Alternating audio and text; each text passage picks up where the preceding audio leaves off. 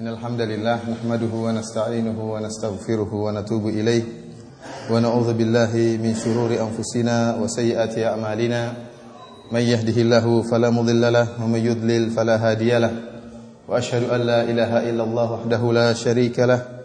وأشهد أن محمدا عبده ورسوله لا نبي بعده. يا أيها الذين آمنوا اتقوا الله حق تقاته ولا تموتن إلا وأنتم مسلمون. يا أيها الناس اتقوا ربكم الذي خلقكم من نفس واحدة وخلق منها زوجها وبث منهما رجالا كثيرا ونساء. واتقوا الله الذي تساءلون به والأرحام. إن الله كان عليكم رقيبا. يا أيها الذين آمنوا اتقوا الله وقولوا قولا سديدا. يصلح لكم أعمالكم ويغفر لكم ذنوبكم. ومن يطع الله ورسوله فقد فاز فوزا عظيما. أما بعد فإن أصدق الحديث كتاب الله وخير الهدى هدى محمد صلى الله عليه وسلم وشر الأمور محدثاتها فإن كل محدثة بدعة وكل بدعة ضلالة وكل ضلالة في النار Ikhwani fillah wa akhwati fid din azami Allah wa iyyakum. Pada kesempatan yang berbahagia ini kita akan berbicara tentang salah satu perkara yang penting dalam akidah Islam yaitu tentang beriman kepada neraka Allah Subhanahu wa taala yang di mana Allah Subhanahu wa taala telah menciptakan neraka wa'iddat lil kafirin yang Allah siapkan untuk orang-orang yang kafir kepada Allah Subhanahu wa taala.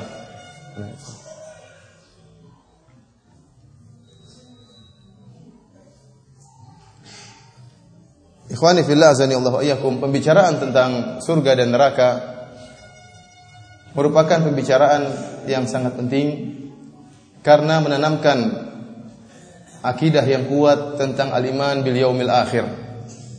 Kita tahu pembicaraan tentang al-iman bil yaumil akhir dimulai dari sakaratul maut, kemudian seorang masuk ke dalam alam kubur dan diakhiri dengan pembicaraan tentang surga dan neraka. Tentang kehidupan yang abadi di surga dan tentang kehidupan yang abadi di neraka.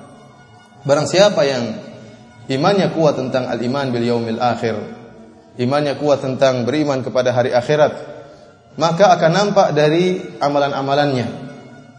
Dia akan mudah menjalankan perintah Allah Subhanahu wa taala dan akan mudah menjauhi larangan Allah Subhanahu wa taala. Tidaklah seorang bermudah-mudahan dalam melanggar perintah Allah atau bermudah-mudahan dalam meninggalkan perintah Allah kecuali karena kurangnya imannya tentang hari akhirat. Oleh karenanya Aisyah radhiyallahu taala anha dalam Sahih Al-Bukhari pernah berkata, "Innama nazala awwala ma nazala minhu suratun minal mufassal." Yang pertama kali ayat-ayat yang turun dari Al-Qur'an adalah surat-surat pendek. Fiha dzikrul jannati wan nar. Pada surat tersebut uh, disebutkan tentang surga dan neraka.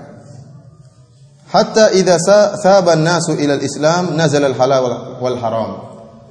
Dan setelah orang-orang telah kokoh iman mereka, maka baru diturunkan hukum-hukum halal dan haram. Walau nazala awwala syai'in la tashrabul khamar, la qalu la nada'a la nada'ul khamar abadan. Kalau seandainya ayat yang pertama kali turun adalah larangan untuk minum khamar, janganlah kalian minum khamar, maka orang-orang Arab Quraisy akan berkata, kami tidak akan meninggalkan minum khamar. Walau nazala la taznu, kalau seandainya yang pertama kali turun dari Al-Qur'an, janganlah kalian berzina, la qalu la nada'uz zina. Jangan kalian berzina, maka mereka akan berkata, kami tidak akan meninggalkan zina. Akan tetapi ternyata ayat-ayat yang pertama kali turun kepada Nabi Shallallahu alaihi wasallam adalah tentang akhirat. Fiha dzikrul jannah wan nar. Disebutkan tentang surga dan neraka agar menanamkan kepada hati-hati para sahabat di awal-awal Islam tentang adanya hari kiamat, tentang adanya hari akhirat, tentang adanya hari yang abadi kalau tidak merupakan kebahagiaan abadi ataukah kesengsaraan abadi. Sebagaimana firman Allah Subhanahu wa taala, fariqun fil jannah wa fariqun fis sa'ir. Sebagian manusia akan berjalan menuju surga dan sebagian manusia akan berjalan menuju neraka jahanam. Pada kesempatan yang berbahagia ini kita akan membahas tentang neraka dahulu baru kemudian nanti kita akan bahas tentang surga insyaallah setelah salat maghrib. Adapun neraka jahanam, maka Allah Subhanahu wa taala ya tidaklah memperingatkan akan bahaya sesuatu sebagaimana Allah Subhanahu wa taala memperingatkan akan bahaya neraka jahanam. Allah Subhanahu wa taala berfirman, "Fa naron talazza." Dan aku ingatkan kalian, aku peringatkan kalian tentang naron talazza, neraka jahanam yang menyala-nyala. La yaslaha illa al-ashqa. Kata Allah Subhanahu wa taala, tidak seorang pun yang masuk dalam neraka tersebut kecuali orang yang celaka. Oleh karenanya, ketika kita dapati dalam Al-Quran, Allah Subhanahu Wa Taala menyebutkan secara detail tentang neraka jahanam, tentang penjaga neraka jahanam, tentang bagaimana azab neraka jahanam, tentang minuman penghuni jahanam, tentang makanan penghuni jahanam, tentang makanan penghuni jahanam, tentang berbagai model azab, ya, yang Allah berikan kepada penghuni jahanam dengan sangat detail, agar benar-benar menanamkan dalam hati kita tentang bahayanya neraka jahanam. Akhirnya menjadi masalah ya, menjadi permasalahan. Sebagian kita tatkala membaca ayat-ayat ini tidak paham maknanya ya, sehingga hanya dibaca, dilewati tanpa merenungkan isi dari ayat tersebut tatkala Allah Subhanahu wa taala tentang telah sedang menggambarkan tentang dahsyatnya neraka jahanam. Demikian juga Nabi sallallahu alaihi wasallam. Nabi sallallahu alaihi wasallam juga memperingatkan dengan sangat keras tentang azab neraka jahanam. Dalam satu hadis dari Nu'man bin Bashir radhiyallahu taala anhu dia berkata, "Sami'tu Rasulullah sallallahu alaihi wasallam yaqul" Saya mendengar Rasulullah sallallahu alaihi wasallam berkata, "Andzartukumun nara, andzartukumun nara." Aku ingatkan kalian, aku peringatkan kalian tentang bahaya neraka jahanam. Aku peringatkan kalian tentang bahaya neraka jahanam. Kata Nu'man bin Bashir radhiyallahu taala anhu, "Fama zala yaquluha hatta "Lau kana fi maqami hadza sami'ahu ahlus suq." Kata Nu'man bin Bashir, Rasulullah sallallahu alaihi wasallam terus mengulang-ulangi perkataannya. Saya ingatkan kalian tentang bahaya neraka jahanam. Saya ingatkan kalian tentang bahaya neraka jahanam. Kata Nu'man bin Bashir, kalau seandainya Nabi wasallam sedang berada di posisi saya kemudian berkata dengan demikian, maka suara Nabi tersebut akan sampai kepada orang-orang di pasar. Artinya Nabi SAW dengan suara yang lantang, dengan suara yang keras dan diulang-ulang memperingatkan akan bahaya neraka jahanam. Kenapa? Karena Nabi SAW telah diberi izin oleh Allah Subhanahu Wa Taala untuk melihat langsung bagaimana neraka jahanam, bagaimana ngerinya neraka jahanam, bagaimana dahsyatnya neraka jahanam. Oleh karenanya Nabi SAW tatkala mengingatkan umatnya benar-benar dengan penghayatan, dengan dengan benar-benar merasa merasa perhatian terhadap umatnya. Sehingga beliau mengulang-ulangi peringatannya tersebut dengan suara yang lantang, kata Nu'man bin Bashir radhiyallahu taala anhu, kalau seandainya Nabi ucapkan sekarang, maka akan didengar oleh para orang-orang yang ada di pasar yang sibuk sedang belanja, sibuk sedang tawar menawar akan mendengar suara Nabi SAW akan bahaya neraka jahanam. Pada kesempatan yang berbahagia ini, saya akan mencoba menyampaikan tentang sifat-sifat neraka yang saya ambil dari buku uh, Al-Jannah wan Nar karangan Dr. Sulaiman Al-Ashqar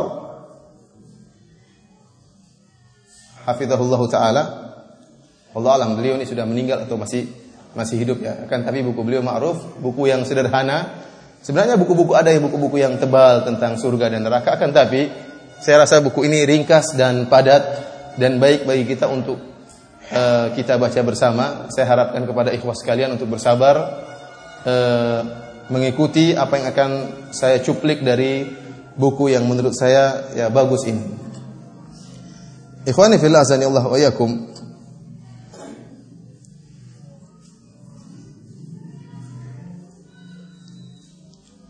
Neraka jahanam merupakan tempat yang Allah siapkan bagi orang-orang yang kafir yang mereka senantiasa melanggar syariat Allah Subhanahu wa taala, yang mendustakan Rasul Allah Subhanahu wa taala. Dialah azab yang Allah sediakan bagi musuh-musuh Allah Subhanahu wa taala. Dialah penjara abadi yang Allah siapkan bagi orang-orang yang senantiasa berbuat kemaksiatan. Dan neraka jahanam merupakan kehinaan yang tiada kehinaan setelah itu. Kehinaan yang terdahsyat adalah dimasukkan dalam neraka jahanam. Kerugian yang paling besar adalah jika seorang dimasukkan dalam neraka jahanam. Tidak ada kehinaan dan kerugian yang lebih berat daripada masuknya seorang dalam neraka jahanam. Allah Subhanahu wa taala berfirman, "Rabbana innaka man tudkhilin nara faqad akhzaita." Ya Allah, Rabb kami, sungguhnya barang siapa yang kau masukkan dalam neraka jahanam, sungguh engkau telah menghinakannya. Wa malidh zalimina min ansar dan tidak ada penolong bagi orang-orang yang berbuat zalim. Dalam ayat yang lain kata Allah Subhanahu wa taala, "Dzalikal khizyul azim." Itu merupakan kehinaan yang sangat besar. Bagaimana bukan merupakan kehinaan yang sangat besar? Sementara Allah Subhanahu wa taala menyatakan tentang neraka jahanam, "Innaha sa'at mustaqarra wa muqama." Adalah tempat yang terjelek, tempat yang terburuk adalah neraka jahanam.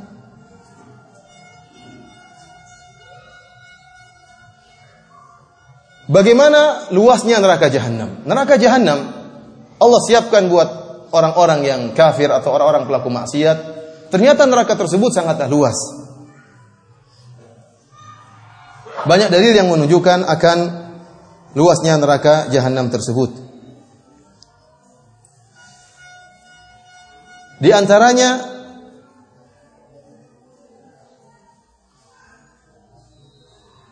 banyaknya orang-orang yang masuk dalam neraka jahanam.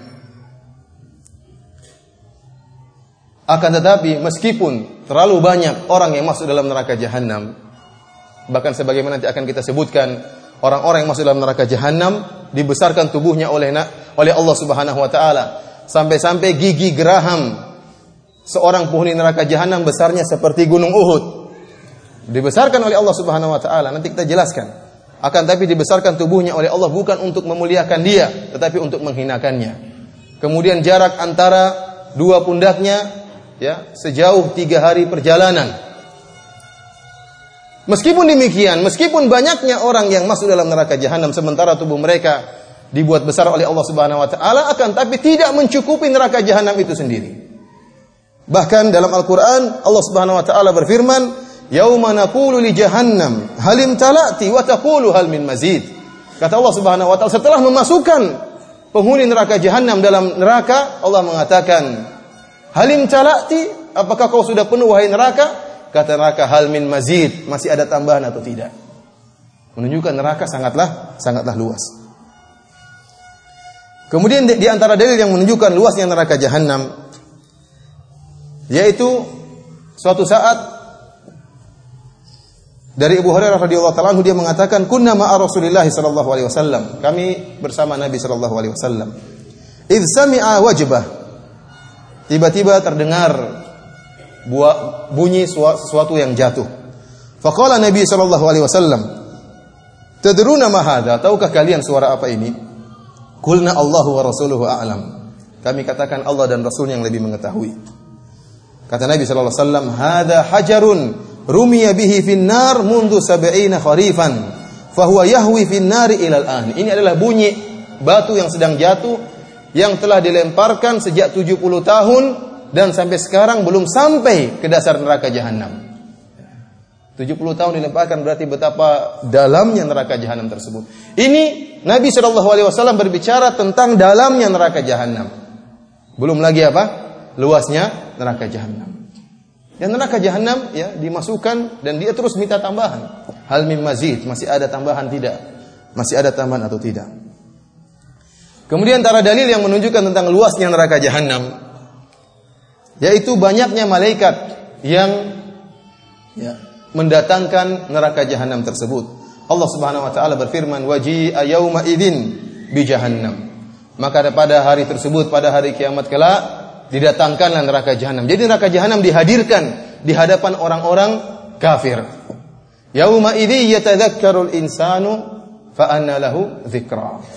Maka tatkala mereka melihat neraka jahanam, maka ingatlah mereka tentang apa yang telah mereka lakukan selama ini, tentang kemaksiatan, kesyirikan, kekufuran yang mereka lakukan selama ini fa anna lahu. Namun apa manfaatnya mereka ingat tersebut? Tidak ada faedahnya. Nabi sallallahu alaihi wasallam bersabda, yu'ta bi jahannam yauma idzin laha sab'una alfi zimam. Dihadirkan neraka jahanam pada hari tersebut.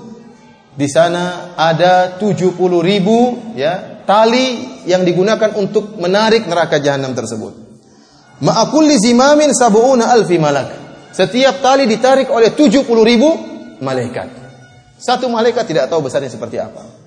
Bagaimana lagi dengan 70 ribu malaikat satu tali? Bagaimana lagi dengan 70 ribu tali? Berarti neraka tersebut sangat besar. Dan siap menerima orang-orang yang dimasukkan dalam neraka jahanam tersebut.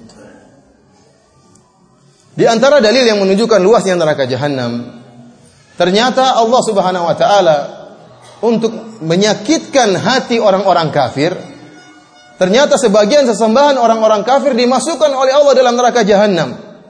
Agar orang-orang kafir tersebut benar-benar merasa pedih dan pilu tatkala melihat ternyata sesembahannya sama juga diadab oleh Allah Subhanahu wa taala. Di antara yang disembah oleh orang-orang kafir adalah matahari dan bulan. Ternyata matahari dan bulan dimasukkan dalam neraka jahanam oleh Allah Subhanahu wa taala. Dalam satu hadis yang sahih kata Nabi sallallahu alaihi wasallam, "Asy-syamsu wal qamaru mukawwarani finnar." Matahari dan surga dimasukkan dalam neraka jahanam.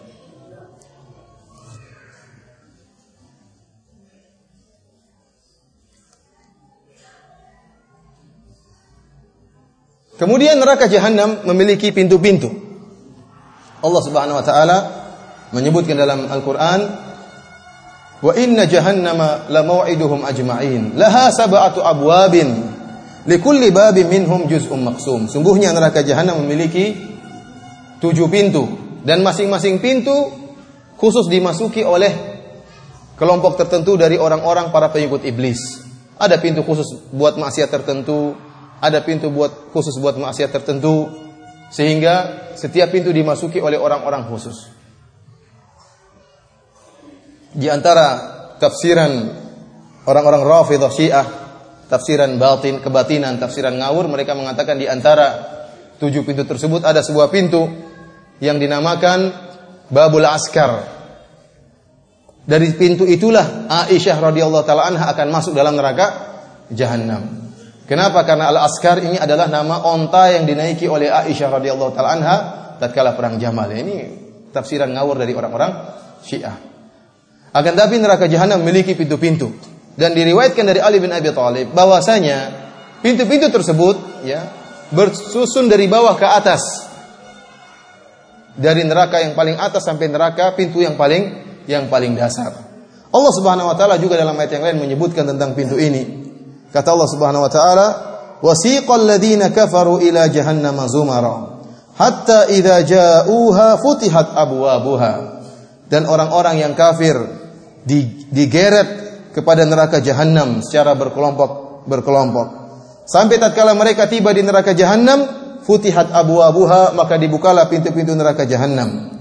Wa qala lahum khazanatuha Alam ya'tikum rusulun minkum yatluna 'alaikum ayati rabbikum maka para penjaga neraka jahanam bertanya kepada mereka, bukankah telah datang kepada kalian rasul-rasul dari kalian yang membacakan kepada kalian ayat-ayat Allah, ayat-ayat Rabb kalian, wa yunzirunakum liqa'a yaumikum hadza dan telah mengingatkan kalian tentang adanya hari pertemuan hari ini?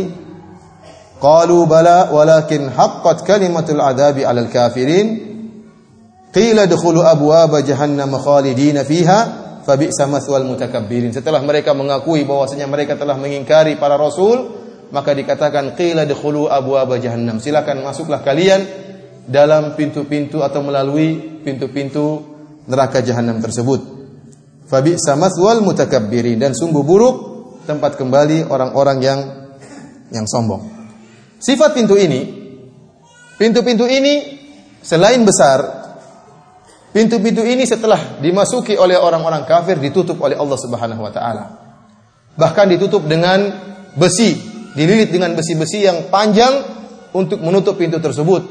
Sehingga tidak mungkinkan bagi mereka untuk keluar dari pintu-pintu tersebut. Allah Subhanahu wa taala berfirman, "Walladzina kafaru biayatina hum ashabul masy'amah" dan orang-orang yang kafir kepada ayat-ayat kami mereka adalah golongan kiri alaihim narum muqsadah bagi mereka narun muqsadah, neraka yang ditutup. Kata ahli tafsir di antaranya yaitu abwabuha muqsadah, pintu-pintu neraka tersebut ditutup. Bahkan dalam ayat yang lain, Allah Subhanahu wa taala berfirman, "Innaha 'alaihim mu'sadah fi 'amadin mumaddadah." Sungguhnya mereka dimasukkan dalam neraka jahanam yang ter, tertutup pintu-pintu nerakanya fi amadin mumaddada. Amad diartikan dengan besi-besi yang panjang. Mumaddada dipanjangkan yaitu pintu-pintu tersebut ditutup dan dibelenggu oleh Allah Subhanahu wa taala dengan besi-besi yang panjang untuk mengitari pintu-pintu tersebut sehingga mustahil bagi orang-orang kafir untuk keluar dari neraka jahanam. Adapun bahan bakar neraka jahanam. Allah Subhanahu wa taala berfirman dalam Al-Qur'an, "Ya ayyuhalladzina amanu qu anfusakum wa ahlikum nara wa quduhan nasu wal hijar." Wahai orang-orang yang beriman, jagalah diri kalian dan keluarga kalian dari bahaya neraka jahanam. Wa quduhan nasu wal hijarah yang bahan bakarnya adalah manusia dan batu. Dalam ayat yang lain kata Allah Subhanahu wa taala, "Fattaqun nar allati waquduha an-nas wal hijarah uiddat lil kafirin." Dan takutlah kalian kepada neraka jahanam yang bahan bakarnya adalah manusia dan batu. Uiddat kafirin yang disiapkan oleh Allah Subhanahu wa taala untuk orang-orang kafir. Bagaimana kok bisa bahan bakarnya manusia dan batu? Para ulama menyatakan bahwa orang-orang kafir Selain mereka dibakar oleh Allah Subhanahu wa taala, mereka juga jadi bahan bakar. Tubuh mereka juga mengeluarkan api. Sehingga mereka membakar diri mereka dan juga membakar yang lainnya. Demikian juga dibakar dengan batu. Batu apakah ini kita tidak tahu Allah alam bisawab. Kalau para ulama dahulu ada yang mengatakan yang dimaksud adalah batu kibrit. Ya. Tidak tahu kalau di dunia saja ada namanya kita tahu seperti batu batu bara. Batu akan tapi bisa mengeluarkan api. Namun Allah Subhanahu wa taala menjadikan batu sebagai bahan bakar karena batu lebih pedih. Dia melengket di apa? Di daging manusia. Selain mengeluarkan api, dia mengeluarkan asap dan bau yang busuk dan melengket di tubuh manusia sehingga benar-benar apinya masuk dalam daging manusia. Oleh karenanya yang dijadikan bahan bakar oleh Allah Subhanahu wa taala adalah batu tatkala di neraka jahanam wal billah.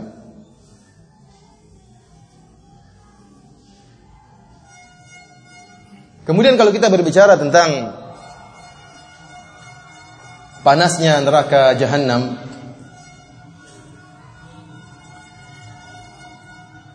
maka terlalu banyak ayat yang menjelaskan tentang bagaimana panasnya neraka jahanam. Akan tapi Allah Subhanahu wa taala memberi isyarat tentang bagaimana dahsyatnya panasnya neraka jahanam.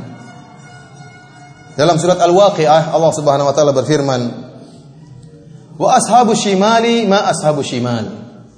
Dan golongan kanan. Siapakah mereka golongan kanan? Bagaimana kondisi mereka? Fi samumin wa hamim wa dhillin min yahmum la baridi wa karim. Allah menyebutkan tentang angin, Allah menyebutkan tentang air dan Allah menyebutkan tentang naungan, bayangan. Dan kita di dunia, kalau kita kepanasan, kita butuh dengan salah satu dari tiga ini. Ini tiga faktor atau tiga sebab yang bisa mendatangkan dingin. Kalau tidak dengan minum air sehingga meredamkan suatu yang panas atau ada hawa yang sejuk, angin yang sejuk bisa menghilangkan rasa panas ya atau dengan naungan di bawah naungan pohon ya ada naungan yang lewat kita ingin berada di naungan tersebut supaya bisa mengurangi mengurangi rasa panas. Akan tapi tiga perkara ini di neraka jahanam ini bukan apinya. Ini sekedar angin karena di neraka ada api, selain api ternyata ada angin, ada naungan dan juga ada air. Akan tapi tiga-tiganya panas. Tiga-tiganya panas. Bagaimana dengan apinya? Allah mengatakan wa ashabu shimali ma ashabu shimal. Bagaimana kondisi para golongan yang kiri, para penduduk neraka jahanam? Fi samumin wa hamim. Mereka berada di dalam angin yang sangat panas. Jadi angin yang datang bukan angin yang sejuk, tetapi angin yang panas, angin yang keluar dari api yang sangat panas. Sehingga mereka tersiksa dengan angin tersebut. Mereka harapkan angin tersebut bisa mendatangkan kesejukan, ternyata semakin membakar mereka. Wahamim demikian juga air. Air yang mereka harapkan bisa menghilangkan ya dahaga atau air yang diharapkan bisa mengurangi rasa panas ternyata juga amat panas dan mendidih. Wa yahmum dan demikian juga naungan Seakan-akan ada bayangan atau seperti kabut yang dingin, ternyata bukan kabut yang dingin, tapi kabut yang sangat panas. Kalau kita di dunia saja kita bisa melihat tatkala Gunung Merapi di Yogyakarta meletus keluar kabut yang disebut dengan wudus gembel. Itu saja begitu mengenai seorang dalam hitungan detik, nggak ada satu detik langsung menjadi hangus. Bagaimana dengan kabut yang ada di neraka yang diharapkan mendatangkan dingin, ternyata malah membakar, menghanguskan. Bagaimana dengan api di neraka jahanam? Kalau anginnya demikian, kalau airnya demikian, kalau kabutnya demikian, bagaimana lagi dengan apinya? Oleh karenanya Allah Subhanahu wa taala mengatakan wa amman khaffat mawazinu. Adapun orang-orang yang ringan timbangan kebaikannya, fa ummuhu hawiyah wa ma adraka ma narun hamiyah. Maka tempat kembalinya adalah di neraka. Tahukah kalian apa itu neraka? Narun hamiyah, api yang panas, api yang sangat panas. Kita berbicara kembali tentang zil, tentang kabut atau bayangan yang ada di neraka jahanam. Yang Allah mengatakan wa dhillim miyahmum. Kabut akan tapi sangat sangat panas. Dia semacam asap ya. Yang disangka kabut membawa kedinginan, membawa suatu yang dingin akan tetapi ternyata membawa asap yang sangat yang sangat panas. Allah menyatakan Intaliqu ila dhillin dhi thalathi syu'ab. Kata Allah Subhanahu wa taala, wahai orang-orang kafir, wahai penghuni neraka jahanam, pergilah kalian. Kalian ingin dingin, pergilah kalian menuju ke kabut yang disangka dingin. Yang kabut tersebut atau asap tersebut terbagi menjadi tiga, tiga cabang. Karena saking banyaknya asap tersebut, dia terpisah menjadi tiga, tiga cabang. Namun ingat kata Allah, la dhalilin wa la yughni minal lahab. Sama sekali kabut tersebut tidak bisa menaungi kalian dan sama sekali tidak bisa menghalangi kalian dari neraka jahanam. Jadi mereka ingin lari, mereka lihat kabut kata persangkaan mereka bisa mengurangi rasa panas yang mereka rasakan kata Allah la yugni minal lahab. Sama sekali tidak akan bisa menghalangi kalian dari panasnya nyala api neraka jahanam. Bahkan kata Allah innaha tarmi bisyararin kal qasar. Bahkan kabut tersebut atau dukhan tersebut atau asam tersebut melemparkan percikan-percikan api kal khasar kata Allah percikannya itu sebesar istana. Jadi mengeluarkan percikan-percikan api ya, bunga-bunga api tapi besarnya seperti istana. Ka'annahu jimalatun sufar. Seakan-akan percikan api tersebut seperti warnanya seperti warna onta yang hitam. Ikhwani fillah azanillahu ayyakum. Inilah kita berbicara tentang angin neraka angin di neraka, kabut di neraka, air di neraka, bagaimana lagi dengan dengan apinya. Dalam satu hadis Rasulullah Shallallahu Alaihi Wasallam bersabda tentang neraka, neraka atau panasnya api di neraka jahanam. Kata Nabi Shallallahu Alaihi Wasallam, naruna juz'un min sab'ina juz'an min nari jahannam. Api kita ini ya adalah satu bagian dari 70 panasnya neraka jahanam. Jadi apa yang kita rasakan ini sepertujuh puluh dari panasnya neraka api neraka jahanam. Wallahu alam, apakah maksud Nabi Shallallahu alaihi wasallam ya sepertujuh puluh ini adalah dimaksud dengan bilangan ataukah maksud Nabi Shallallahu alaihi wasallam adalah bagian kecil dari panasnya neraka jahanam? Karena orang-orang Arab sering mereka mengungkapkan sesuatu yang banyak dengan angka 70. Seperti firman Allah Subhanahu wa taala, in tastaghfir lahum sab'ina marrah ya meskipun engkau minta ampun bagi mereka 70 kali Allah tidak akan maafkan mereka maksudnya sebanyak apa pun kau minta maaf untuk orang-orang munafik atau orang-orang musyrik 70 kali maksudnya betapa banyak pun tidak akan beri faedah intinya meskipun hanya sepertujuh 70 kali lipat dari api yang ada sekarang ini maka sudah cukup untuk untuk membakar dan ya menyiksa para penghuni neraka jahanam. Oleh karenanya tatkala para sahabat mendengar tentang ini, para sahabat mengatakan, "Ya Rasulullah, in kanat lakafiyah." Ya Rasulullah, satu bagian saja sudah cukup untuk menghanguskan, untuk menyiksa. Bagaimana jika dilipat gandakan oleh Allah sampai 70 kali? Allah Subhanahu wa taala menyebutkan tentang sifat neraka tersebut dalam firman-Nya sauslihi saqar wa ma adraka ma saqar la tubqi wa la tadhar. Orang yang tidak sholat akan dimasukkan oleh Allah dalam neraka sakor. Dan tahukah engkau apa itu neraka sakor? Kata Allah, la tubqi wa la tadhar. Sama sekali tidak menyisakan dan tidak membiarkan. Artinya kalau neraka sudah mengenai tubuh seseorang, semua bagian tubuhnya akan terasa panas.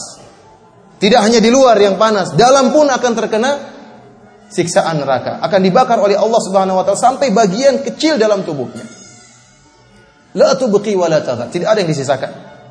Dan tidak ada yang ditinggalkan. Ini sifat neraka yang membakar orang-orang kafir tersebut. Bahkan jangan disangka bahwasanya api tersebut bisa redup suatu saat tidak.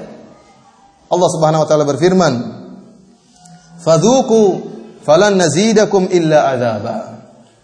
Dan rasakanlah siksaan api neraka tersebut dan kami tidak akan menambah kecuali semakin pedih azab tersebut. Jadi azab mereka bertingkat-tingkat, ditingkatkan oleh Allah. Setiap hari semakin parah azab yang mereka rasakan. Allah Subhanahu wa taala berfirman, "Kullama khabat zidnahum sa'ira."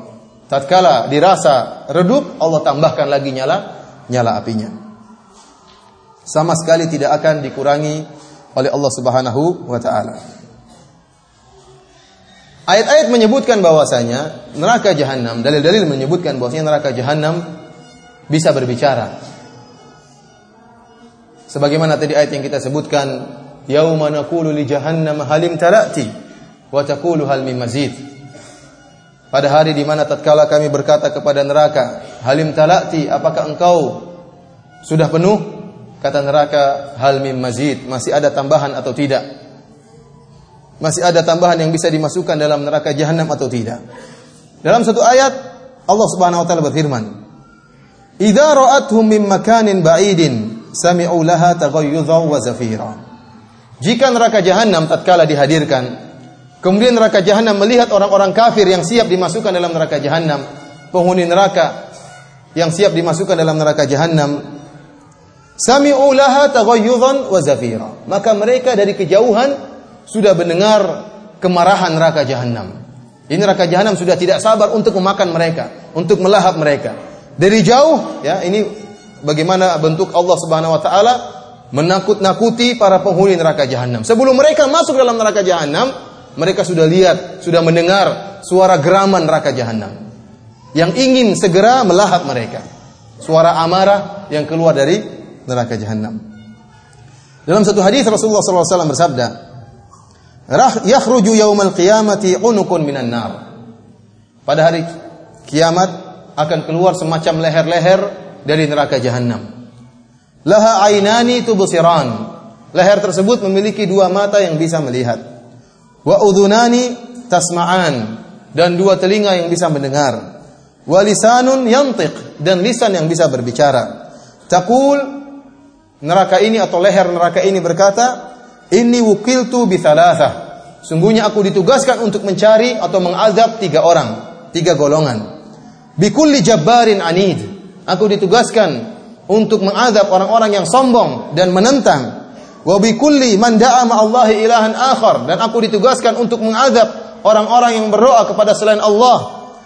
Wa bil musawwirin dan aku ditugaskan untuk mengazab orang-orang yang suka menggambar atau membuat patung makhluk hidup. Hadis ini diriwayatkan oleh Al-Imam Tirmidzi dalam sunannya dan disahihkan oleh Al-Imam Tirmidzi beliau berkata hadithun hasanun sahihun gharib. Ikhwani fillah Allah ayakum. Sebelum kita melanjutkan tentang lebih dalam tentang bagaimana bentuk-bentuk azab, bagaimana uh, tentang uh, makanan penduduk neraka, minuman penduduk neraka, ada dua permasalahan akidah yang sering disampaikan oleh para ulama. Yang pertama tentang neraka jahanam. Yang pertama tentang apakah neraka jahanam sekarang ini sudah ada atau tidak ada atau belum ada. Dan yang kedua apakah neraka jahanam kekal atau tidak. Oleh karenanya sebelum kita masuk pada pembahasan yang lebih detail tentang bentuk siksaan penghuni neraka dan juga azab uh, makanan dan minuman mereka, ada baiknya kita menyinggung dulu dua permasalahan ini ya saya khawatir nanti terluputkan. Adapun permasalahan pertama yaitu mengenai apakah neraka jahanam sudah ada atau belum ada.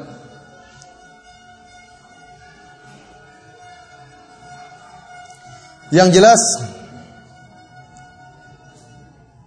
para ahlu sunnah wal jamaah telah sepakat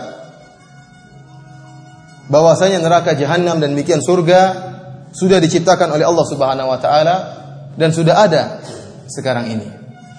Dan tidak ada yang mengingkari hal ini kecuali orang-orang Mu'tazilah yang mereka menggunakan akal mereka, mendewakan akal mereka sehingga mereka mengatakan, "Buat apa ada neraka jahanam sekarang? Buat apa ada surga sekarang?" Sia-sia, kosong, tidak ada isinya, percuma. Mereka menggunakan akal mereka. Dan inilah kebiasaan orang-orang Mu'tazilah. Orang-orang Mu'tazilah mereka dikatakan adalah sifat mereka adalah mentasbih Allah fi af'alihi. Mereka mentasbih Allah dengan manusia dari sisi af'al. Kata mereka, Allah harusnya demikian. Allah harusnya berbuat demikian. Kenapa? Karena menurut akal mereka manusia demikian. Contohnya mereka mengatakan mereka mengatakan bahwasanya Allah tidak mungkin menciptakan perbuatan hamba. Karena secara logika tidak masuk akal. Jadi mereka mengatakan manusia yang ya, manusia yang uh, apa Allah Subhanahu wa taala jika menciptakan perbuatan manusia, jika perbuatan manusia adalah ciptaan Allah Subhanahu wa taala, kemudian manusia tersebut masuk dalam neraka jahanam, maka ini Allah tidak adil. Oleh karenanya menurut logika mereka yang dinamakan dengan adil adalah menolak takdir Allah Subhanahu wa taala. Kalau Allah sudah mentakdirkan si fulan masuk neraka, kemudian Allah masukkan dalam neraka, Allah tidak adil. Karena bisa demikian karena mereka mengkiaskan Allah dengan manusia. Mengkiaskan Allah dengan manusia. Demikian juga dalam masalah ini kata mereka, kalau ada orang bikin rumah tidak ditempati, buat apa rumah tersebut? Tidak ada manfaatnya sehingga mereka mengatakan tidak mungkin ada surga dan neraka sekarang. Karena kalau tidak ditempati surga dan neraka, maka Allah telah melakukan perbuatan yang sia-sia. Akan ini adalah kias mereka yang yang salah terlalu banyak dalil yang menunjukkan akan batilnya pemahaman mereka para kaum Mu'tazilah. Di antara dalil bahwasanya neraka dan surga sudah ada seperti firman Allah Subhanahu wa taala tentang surga uiddat lil muttaqin. Surga telah disiapkan oleh Allah untuk orang-orang yang beriman. Adapun neraka kata Allah Subhanahu wa taala uiddat lil kafirin. Disiapkan untuk orang-orang yang kafir. Jadi surga dan neraka sudah sudah ada. Demikian juga banyak dalil dari as-sunnah dari sunnah Nabi Shallallahu Alaihi Wasallam yang menunjukkan akan hal ini. Di antaranya seperti hadis Nabi Shallallahu Alaihi Wasallam dalam Sahihain, Inna ahadakum idza mata urida alaihi maq'aduhu bil ghadati wal ashiyyi. In kana min ahli jannah fa min ahli jannah wa in kana min ahli nar fa min ahli nar. Jika salah seorang dari kalian meninggal maka akan ditampakkan baginya tempat duduknya, ya, kaplingnya setiap pagi dan sore. Jika dia termasuk penduduk surga, maka akan ditampakkan kaplingnya di surga. Tempat duduknya di surga. Dan jika dia ditetapkan sebagai penghuni neraka jahanam, maka akan ditampakkan ya tempat duduknya atau kaplingnya di neraka jahanam. Dalam hadis yang lain, Rasulullah SAW hadis Bara' bin Azib hadis yang panjang disebutkan yunadi munadin minas sama. Maka ada seorang penyeru dari langit yang berseru an sadaqa abdi. Sungguh benar hambaku. Fa'afshrihu fa'afrishuhu minal jannah. Waftahu lahu baban ilal jannah. Maka bentangkanlah baginya ya kenikmatan dari surga dan bukakanlah baginya pintu menuju surga. Jadi ditampakkan baginya surga. Dan dibukakan pintu baginya surga. Akan tapi dia belum masuk masuk surga. Fayatihi min rauhiha wa tibiha. Maka selama dia di dalam alam barzah atau di kuburan maka akan datang ya angin surga atau harumnya surga akan sampai kepada dia. Menunjukkan surga sudah ada. Dan neraka sudah ada. Dan tidak dikatakan sia-sia diciptakan surga. Kenapa sia-sia? Karena orang ketika tatkala masuk dalam alam barzah sudah berkaitan dengan neraka maupun surga kalau dia masuk neraka jahanam maka sudah dinampakkan sampai kepada dia ya neraka dan adab neraka jahanam. Seperti Firaun dan pengikutnya Allah Subhanahu wa taala berfirman, "An-naru yu'raduna 'alaiha ghuduwan wa 'ashiyya wa yauma taqumus sa'ah adkhilu ala fir'auna ashaddal 'adzab." Firaun dan pengikutnya masuk dalam alam barzakh dan neraka, mereka dipaparkan kepada neraka siksaan ya setiap pagi dan petang.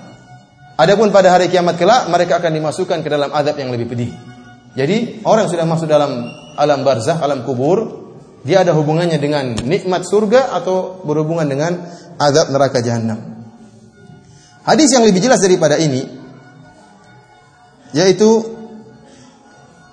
hadis Abu Hurairah radhiyallahu taala anhu Rasulullah SAW berkata, "Lama khalaqallahu al-jannata wan nar." Tatkala Allah menciptakan surga dan neraka, arsala Jibril ilal jannah. Maka Allah Subhanahu wa taala mengutus Jibril untuk melihat surga. Allah mengatakan idhab fanzur ilaiha. Pergilah engkau dan lihatlah isi surga. Wa ila ma a'datu li ahliha fiha dan lihatlah apa yang aku siapkan di surga untuk penghuni surga. Maka Jibril alaihissalam pun pergi kemudian melihat isi surga dan melihat kenikmatan yang Allah sediakan buat penghuni surga. Kemudian iblis pun balik menemui Allah. Iblis mengatakan uh, Jibril alaihissalam setelah melihat isi surga dan apa yang Allah sediakan untuk penghuni surga, Jibril alaihissalam kembali menuju Allah Subhanahu wa taala dan berkata, "Wa, wa izzatika la yasma'u biha ahadun illa dakhalaha." Ya Allah demi keperkasaan Engkau, tidak seorang pun yang mendengar tentang surga dan kenikmatan yang ada di surga kecuali akan masuk surga. Fa umira bil jannah fa hufat bil makari. Setelah itu Allah Subhanahu wa taala memerintahkan surga untuk diliputi dengan perkara-perkara yang dibenci. Kemudian Allah mengatakan irji fandur ilaiha. Wahai Jibril, kembalilah dan lihatlah isi surga dan apa yang aku siapkan bagi penghuninya. Tatkala Jibril alaihissalam melihat isi surga dan melihat bahwasanya surga diliputi dengan perkara-perkara yang dibenci, maka dia berkata wa izzatika laqad khasyitu alla yadkhulaha ahadun. Demi keperkasaan Engkau ya Allah saya khawatir tidak seorang pun akan masuk dalam dalam surga. Intinya ini dalil bahwasanya surga dan neraka sudah ada dan tidak dikatakan surga dan neraka kalau diciptakan sekarang maka sia-sia tidak ada manfaatnya. Bahkan dalam suatu hadis ya Nabi sallallahu alaihi wasallam bersabda, "Innama nasamatul mu'min tairun ta'allaqa fi syajaril jannah." Sungguhnya ruh seorang mukmin ya seperti burung yang bergantung di pohon-pohon surga yang berpindah dari satu pohon ke pohon yang lain. Hatta yarji'aha Allahu ila jasadihi yaumal qiyamah. Nanti pada hari kiamat akan dikembalikan ruh tersebut kepada jasadnya di kuburan, kemudian akan dibangkitkan oleh Allah Subhanahu wa taala sempurna ruh dan jasadnya. Karena para ulama telah menyebutkan bahwasanya ya, hubungan antara ruh antara ruh dengan jasad tatkala di alam barzah maka yang lebih mendominasi adalah ruh. Adapun di dunia yang lebih mendominasi adalah jasad. Sehingga kalau seorang dipukul yang sakit adalah jasad. Dan terkadang ruh ikut merasa tersakiti setelah jasad itu disakiti. Terkadang jasad ya, tatkala sakit maka ruh bisa ikut merasa sakit atau sebaliknya. Berbeda tatkala di alam barzakh yang lebih utama adalah ruh, jasad mengikuti. Adapun di akhirat kelak kata para ulama hubungannya sempurna, sama-sama 50% antara ruh dan jasad. Sama-sama ruh dan jasad merasa akan merasakan kenikmatan atau sama-sama antara ruh dan jasad akan merasakan adab yang pedih. Oleh karenanya tatkala di alam barzakh ruhnya orang-orang mukmin ya terbang di surga seperti burung yang terbang di pohon-pohon surga. Sampai hari kiamat Allah akan kembalikan ruh tersebut. Bagaimana hal ini Allah alam bisalab bisawab ini hanyalah masalah gaib kita tidak tahu bagaimananya. Intinya surga bukanlah perkara yang sia-sia yang tidak ada manfaatnya akan tapi sudah ada manfaatnya. Sering timbul pertanyaan dari sebagian ikhwah tentang bagaimana Nabi Shallallahu Alaihi Wasallam melihat neraka jahanam Kemudian Nabi SAW melihat ada wanita yang diadab di neraka jahanam. Atau Nabi SAW melihat Bilal ada di surga, terdengar terompah Bilal, suara sendal Bilal di hadapan Nabi SAW. Apakah surga dan neraka sudah ada yang disiksa orang sekarang di sana, di surga dan neraka?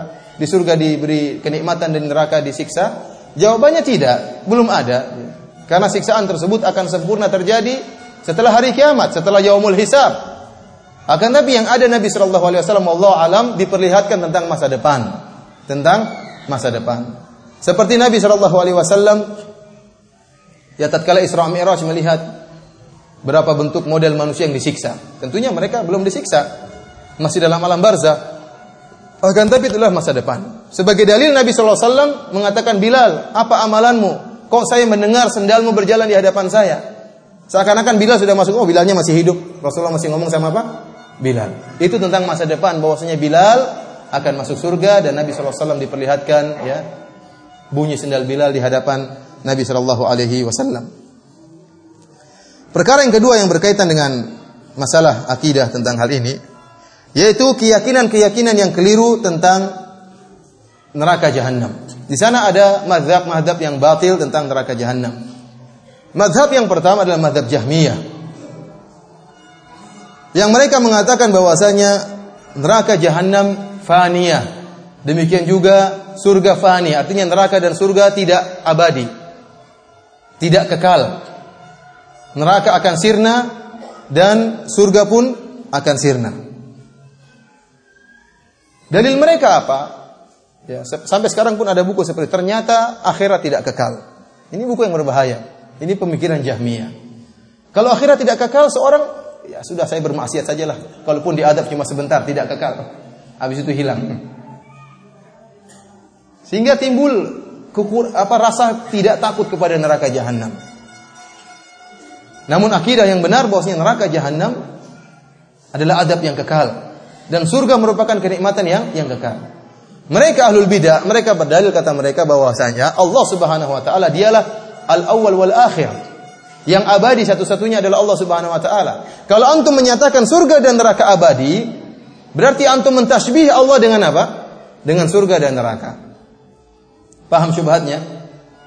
Kita bilang tidak jadi masalah. Karena pada hakikatnya bagaimanapun juga Allah berbeda, keabadian Allah berbeda dengan keabadian neraka dan surga. Pertama Allah Subhanahu wa taala tidak didahului oleh permulaan.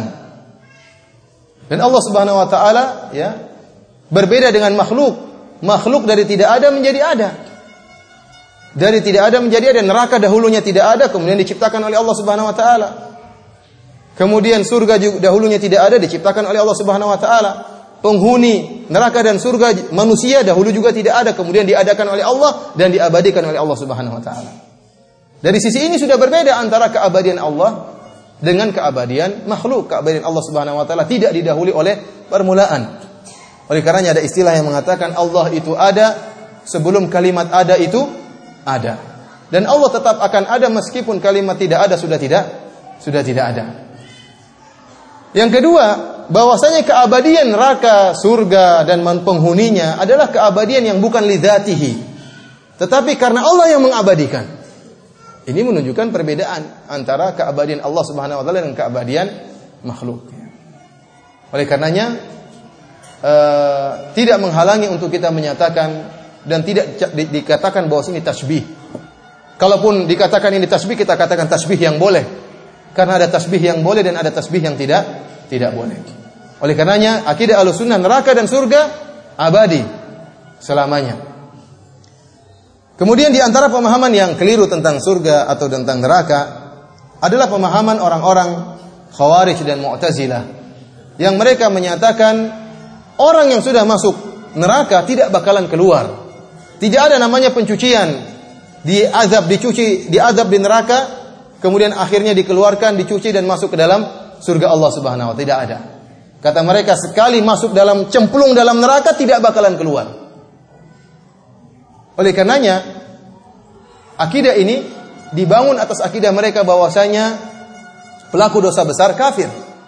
Kata mereka orang pelaku dosa besar sama saja dengan orang-orang kafir. Sama-sama kekal dalam neraka jahanam tidak akan keluar-keluar. Berbeda dengan akidah Ahlussunnah berdasarkan dalil yang banyak Ya, nanti akan kita juga sebutkan tatkala kita berbicara tentang surga bahwasanya ada penghuni neraka jahanam, penghuni neraka yang dikenal jahannamiyun yang hangus kemudian dihidupkan kembali oleh Allah Subhanahu wa taala kemudian dimasukkan dalam surga setelah mereka mendapatkan syafaat ya untuk dikeluarkan dari neraka jahanam. Kemudian keyakinan yang keliru tentang azab neraka jahanam juga adalah keyakinan orang-orang Yahudi. Orang-orang Yahudi sebagaimana disebutkan oleh Allah dalam Al-Qur'an, mereka sadar bahwasanya mereka akan diazab. Orang-orang Yahudi sadar bahwasanya mereka akan diazab, tapi kata mereka, kita hanya diazab sebentar. Sudah tahu diazab tapi masih ngayal. Kata dia, diazab tidak jadi masalah, yang penting cuma cuma sebentar. Wa qalu lan tamassana an-naru illa ayyaman ma'dudah. Kata mereka, neraka tidak akan bakar kami kecuali hanya hari-hari tertentu. Ada yang mengatakan sebagian disebut oleh ahli tafsir, bahwasanya mereka berkata kita cuma diadab di neraka cuma 40 hari. Berapa hari? Cuma sebulan lebih 10 hari sebentar. Padahal kita tidak tahu sehari berapa. Taruhlah cuma 40 hari. Satu hari berapa tahun? Seribu tahun. Itu sudah lama. Berarti 40 ribu tahun itu tidak sebentar. Itu lama. Kalaupun 40 40 ribu tahun. Ternyata tidak orang-orang Yahudi dan Nasrani akan diadab dengan secara kekal selama-lamanya. Mereka mengatakan kenapa 40 hari? Karena 40 hari tersebut kami pernah keliru nenek moyang kami. Nenek moyang kami tatkala ditinggal Nabi Musa alaihissalam mereka menyembah sapi. Itulah kesalahan yang Allah akan cuci kami di di neraka jahanam 40 hari saja. Setelah itu kita masuk masuk surga kata mereka. Dalam riwayat yang lainnya mereka berkata bahwasanya Allah hanya akan mengadab kami selama 40 hari. Dan setelah neraka memakan dosa-dosa kami, nada munadin, maka akan ada seorang yang berseru atau suara yang menyeru, "Akhriju kulla makhtunin min waladi Bani Israel." Keluarkan dari neraka jahanam seluruh keturunan Bani Israel yang disunat. Oleh karenanya kata orang-orang Yahudi, itulah kenapa kami disuruh sunat, supaya bisa keluar dari neraka jahanam. Karena disebutkan akan ada suara yang menyeru, keluarkan seluruh keturunan Bani Israel yang disunat. Ya, kalau nggak sunat bahaya. Tidak bisa keluar dari neraka jahanam. Ini keyakinan batil dari uh, orang-orang Yahudi. Di antara keyakinan yang batil tentang neraka adalah keyakinan Ibnu Arabi, pimpinan Ittihadiyah, Hululiyah, Wahdatul Wujud, Manunggaling Kaulo Gusti. Dia menyatakan bahwasanya ini pemikiran yang sangat aneh. Dia menyatakan apa? Bahwasanya benar seorang akan diadab dalam neraka jahanam. Akan tetapi lama kelamaan dia terbiasa dengan adab tersebut. Lama-lama dia merasa lezat dengan adab tersebut. Seperti orang luka, garu-garu lama-lama enak. nah ini bagaimana seperti ini? Allah akan tambah. Fadhuku. Allah akan rasakan. Dan kami tidak akan beri tambahan kecuali adaban. Kullama khobat zidnahum sa'ira. Kami tambahkan nyala api. Dia mengatakan tidak. Lama-lama dia terbiasa akhirnya apa? Berlezat-lezatan dengan api neraka jahanam tersebut.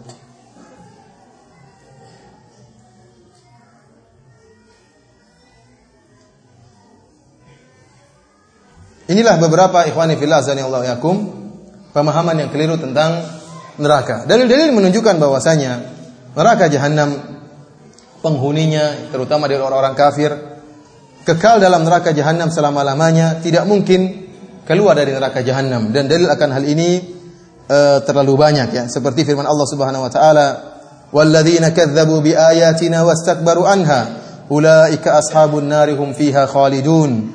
Dan orang-orang yang mendustakan ayat-ayat kita, ayat-ayat kami dan sombong terhadap ayat-ayat kami, maka merekalah penghuni neraka jahanam, hum fiha khalidun dan mereka kekal dalam neraka jahanam tersebut. Innal mujrimina fi adabi jahannam khalidun. Sungguhnya orang-orang yang berbuat kemaksiatan, berbuat ijram, maka dia akan dimasukkan dalam adab neraka jahanam, kekal dalam neraka jahanam tersebut. Dalam ayat yang lain kata Allah Subhanahu wa taala, "Walladzina kafaru lahum naru jahannam la yuqda alaihim fayamutu." Dan orang-orang yang kafir bagi mereka neraka jahanam. Ya. La yuqda alaihim fayamutu, sama sekali mereka tidak akan dimatikan oleh Allah Subhanahu wa taala, tidak akan mati dalam neraka jahanam. Wala yukhaffafu anhum min adabiha dan sama sekali mereka tidak akan dikurangi adab neraka jahanam tersebut. Dan terlalu banyak ayat tentang tentang hal ini.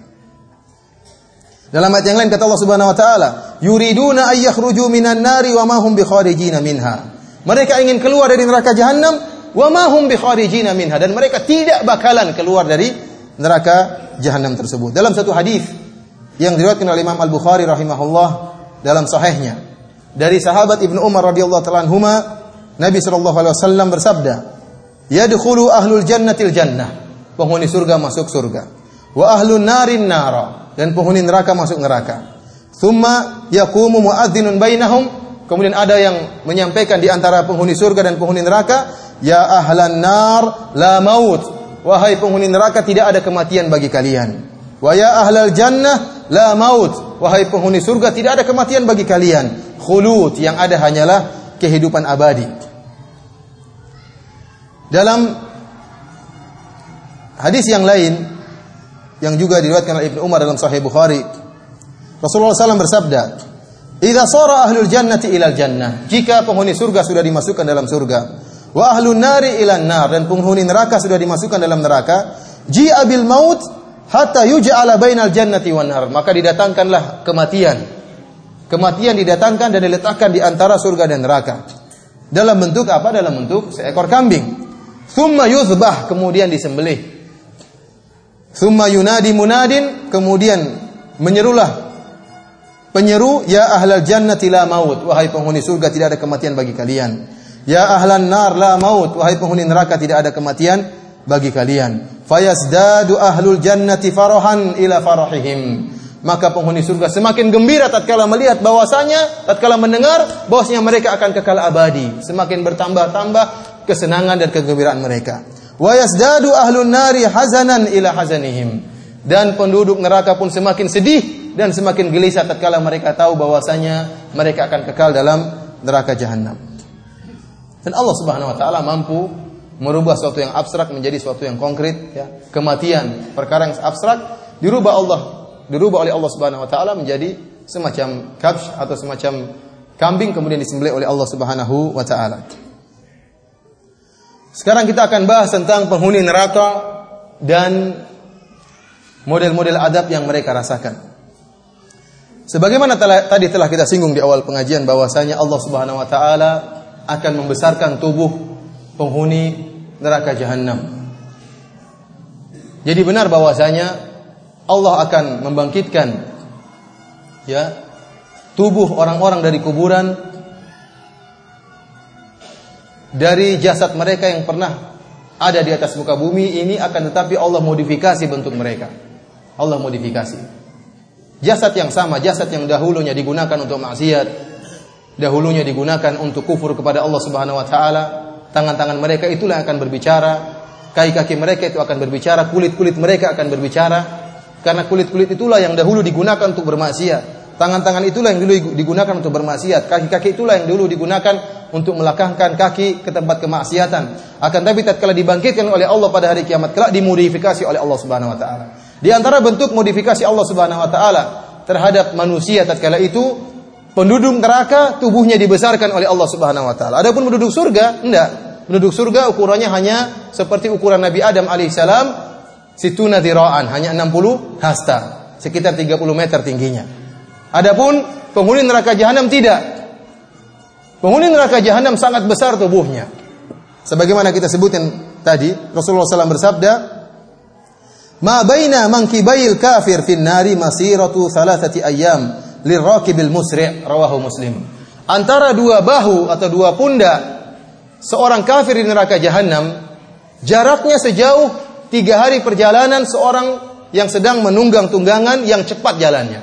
Artinya kalau orang naik kuda selama tiga hari tiga malam itulah jarak antara dua apa namanya pundak orang kafir entah berapa ratus kilo. Dalam hadis yang lain kata Rasulullah SAW, dorsul kafir, au nabul kafir mislu uhudin. Sungguhnya geraham seorang kafir atau gigi taring seorang kafir seperti gunung Uhud besar sekali. Ya, Gunung Uhud panjangnya 7 sampai 8 8 kilo. Bukan dia kecil gunungnya besar enggak. giginya dia besar badannya. Badannya besar, pundaknya besar, giginya juga juga besar. Kata Rasulullah sallam, "Wa ghiladu jildihi masiratu thalath." Dan tebalnya kulitnya, tebalnya kulitnya itu sejauh tiga hari perjalanan. Ya, jadi besar sekali.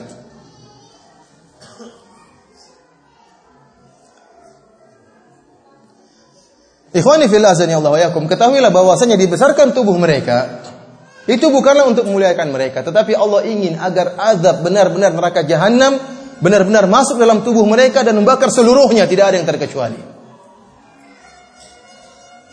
Allati tattali'u 'alal afidah, kata Allah Subhanahu wa taala, neraka yang masuk sampai ke dalam apa? Ke dalam jantung. Mereka dibakar hidup-hidup, jantung mereka dibakar sementara mereka hidup merasakan pedihnya. Jadi supaya detail ya, tidak ada yang tersisa dari api yang masuk dalam tubuh tubuh mereka. Jadi bukan untuk dimuliakan, akan tapi agar mereka semakin pedih merasakan adab yang Allah berikan. Adapun makanan penghuni neraka atau minuman penghuni neraka dan pakaian mereka maka Allah Subhanahu wa taala telah menjelaskan dengan detail dalam Al-Qur'an. Makanan mereka adalah dhari' dan zakum.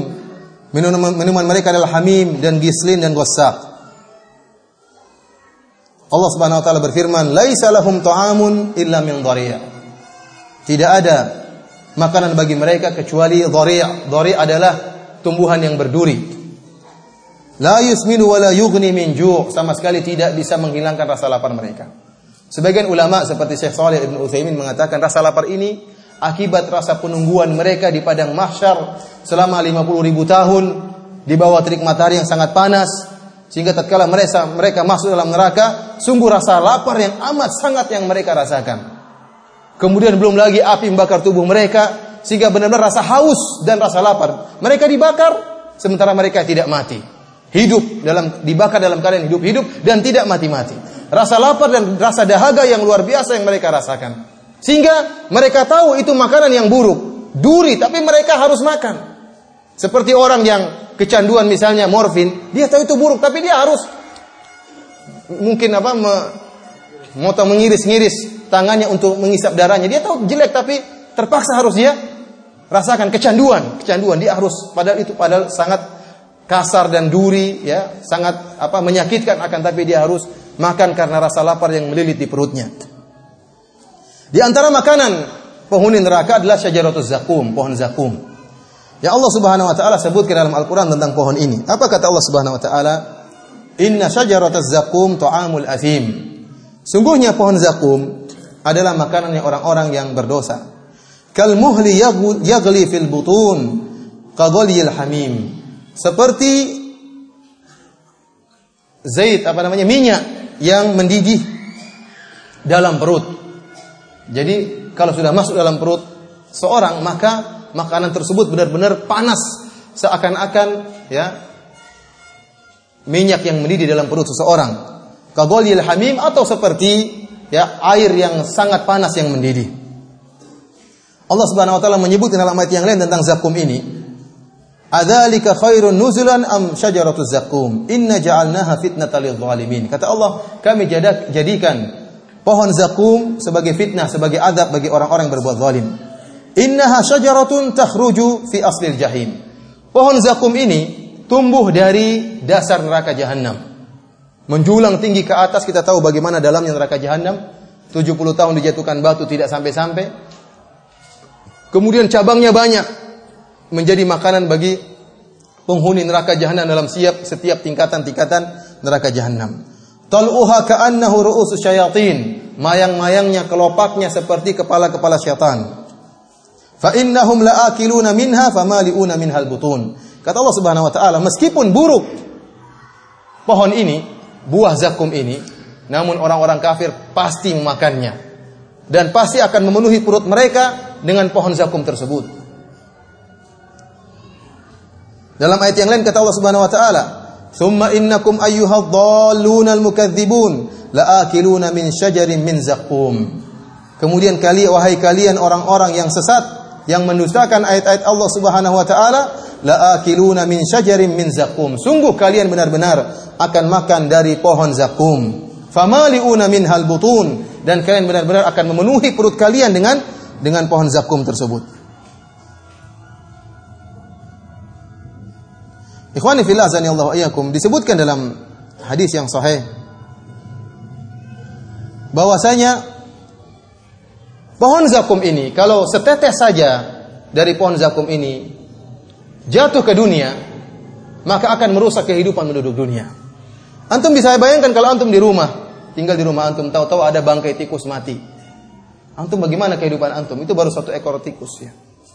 Tunggu saat antum tidak bisa hidup, kemudian muntah-muntah, tidak tentram dalam rumah tersebut, mau makan gak enak, mau tidur gak bisa. Kenapa? Ada bau yang sangat yang sangat busuk.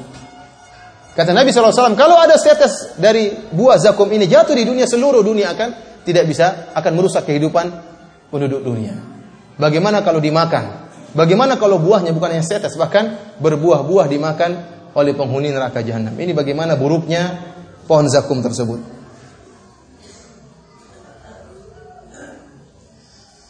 Ikhwani fillah akhwati wa iyyakum. Setelah para penghuni neraka mau tidak mau harus memakan pohon zakum, maka mereka pun merasa dahaga, kehausan yang amat sangat.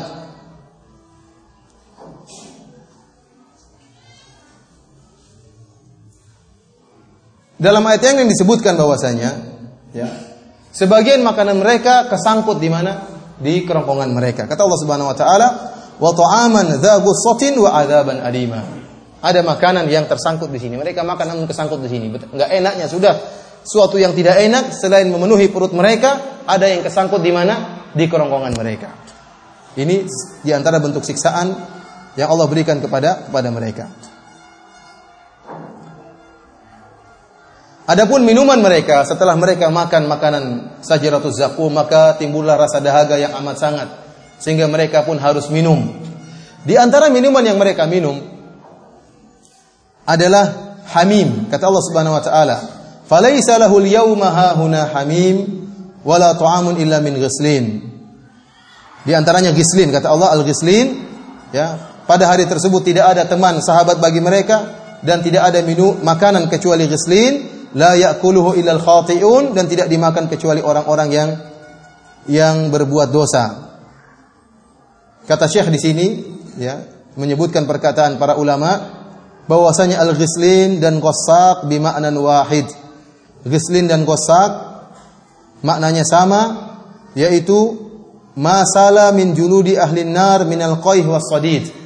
Yaitu apa yang mengalir dari tubuh penghuni neraka dari nanah dan darah Itulah yang diminum oleh apa? Oleh penghuni neraka jahanam. Tidak ada minuman yang lain. Setelah makan zajaratul zakum mereka haus. Apa yang harus mereka minum? Tidak ada lain kecuali nanah dan darah yang keluar dari tubuh penghuni neraka, ada yang keluar dari kemaluan para pezina yang disiksa dalam neraka jahanam. Itulah yang mereka minum dan tidak ada minuman lain. Mereka juga di antara yang diminum oleh mereka adalah al-hamim. Kata Allah Subhanahu wa taala, "Wasuqu ma'an hamiman faqatta'a am'a'ahum." Setelah mereka makan sajaratul zakum dan rasa dahaga yang amat sangat yang mereka rasakan, maka mereka pun minum al-hamim. Al-hamim adalah air yang sangat panas. Yang jika sudah masuk dalam perut penghuni neraka, faqatta'a am'a'ahum, maka akan memotong-motong isi perut mereka. Ya akhi subhanallah kita baru ditusuk jarum saja sudah setengah mati. Bagaimana jika dipotong-potong usus kita? Waliyadzubillah seorang ususnya dipotong-potong dia dalam keadaan sadar. Bagaimana teriakan akan dia keluarkan? Bagaimana rasa sakit yang akan dia dia keluarkan? Dalam ayat yang lain kata Allah Subhanahu wa taala, "Wa iyastaghitsu yughathu bima'in kalmuhli yashwil wujuh." Tatkala mereka sudah makan sejarah zakum, mereka pun kehausan dan mereka berteriak, mereka minta pertolongan, berikanlah kami air minum, kami sangat haus. Sementara syajaratul zakum seperti itu modelnya. Mereka sangat haus. Kata Allah Subhanahu wa taala, ya. Yughathu bima'in kalmuhli yashwil wujuh. Maka mereka pun diberikan air yang sangat panas seperti minyak yang mendidih yang membakar wajah-wajah mereka. Mereka baru mau minum, mau dimasukkan dalam leher mereka, kulit-kulit wajah mereka sudah sudah terbakar karena mendidih minyak tersebut. Namun karena mereka sangat haus mau tidak mau mereka harus minum. Belum dimasukkan saja panasnya, didihannya minyak tersebut sudah menjatuhkan kulit-kulit wajah mereka.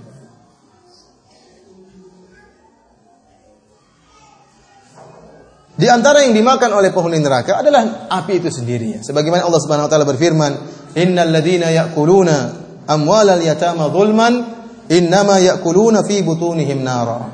Sungguhnya orang-orang yang makan harta anak yatim secara zalim Sungguhnya mereka telah memasukkan dalam perut mereka api. Oleh karena sebagian ulama menyatakan selain mereka makan sejarah zakum, mereka juga makan api. Ya. Dipaksa oleh Allah untuk makan api, terutama orang-orang yang memakan harta haram, yang makan harta anak yatim secara zalim, dimasukkan api dalam dalam perut mereka. Adapun pakaian yang digunakan oleh penghuni neraka, mereka berpakaian. Mereka berpakaian. Akan tapi pakaian mereka pakaian yang khusus yang terbuat dari perkara atau benda yang sangat panas, baik tembaga yang dicairkan atau terbuat dari api.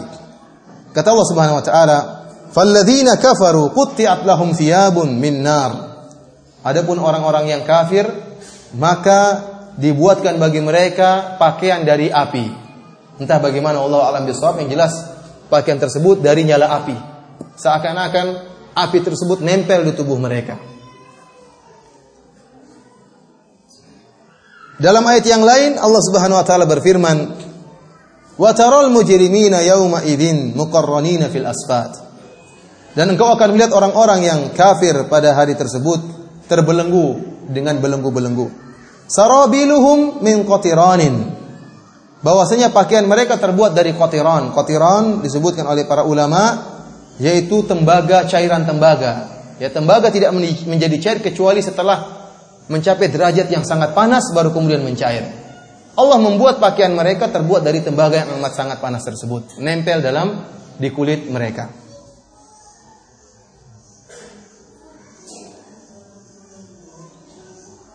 Ikhwani fillah azani Allah yakum. Itulah tadi makanan dan minuman dan pakaian penghuni neraka jahanam. Dan kita bisa membayangkan bagaimana ya rasa pedih yang mereka rasakan, adab yang sangat pedih yang mereka rasakan. Sampai-sampai tatkala mereka diadab oleh Allah Subhanahu wa taala, mereka sudah tidak berpikir dengan waras dan mereka berangan-angan agar segera mati. Ya laitani kuntu turaba. Dia mengatakan kalau seandainya saya seperti pasir, tidak diadab oleh Allah Subhanahu wa taala. Lau tusawwa bihimul ard, kata Allah Subhanahu wa taala, mereka berangan-angan kalau ditelan oleh tanah sudah selesai, namun mereka tidak bisa mati. Liyaqdi alaina rabbuk. Kata mereka, "Ya Malik, wahai penjaga neraka, mintalah kepada Allah agar matikan kami." Qala innakum makithun. Kalian tidak akan mati, akan hidup selamanya abadi. Mereka tidak berangan-angan untuk sudah selesailah, namun tidak selesai. Bahkan saking tidak warasnya mereka, kata Allah Subhanahu wa taala, "Yawaddul mujrimu law yaftadi min adabi yauma idzin bibani." Sampai seorang yang mujrim, seorang yang kafir, yang sedang disiksa oleh Allah Subhanahu wa taala di neraka jahanam, dia berangan-angan kalau seandainya saya punya anak-anak akan saya tebus, biar saja anak saya yang diadab bukan saya. Sudah tidak bisa berpikir waras. Wa sahibatihi wa akhih, bahkan dia akan tebus dengan istrinya, akan tebus dengan saudaranya.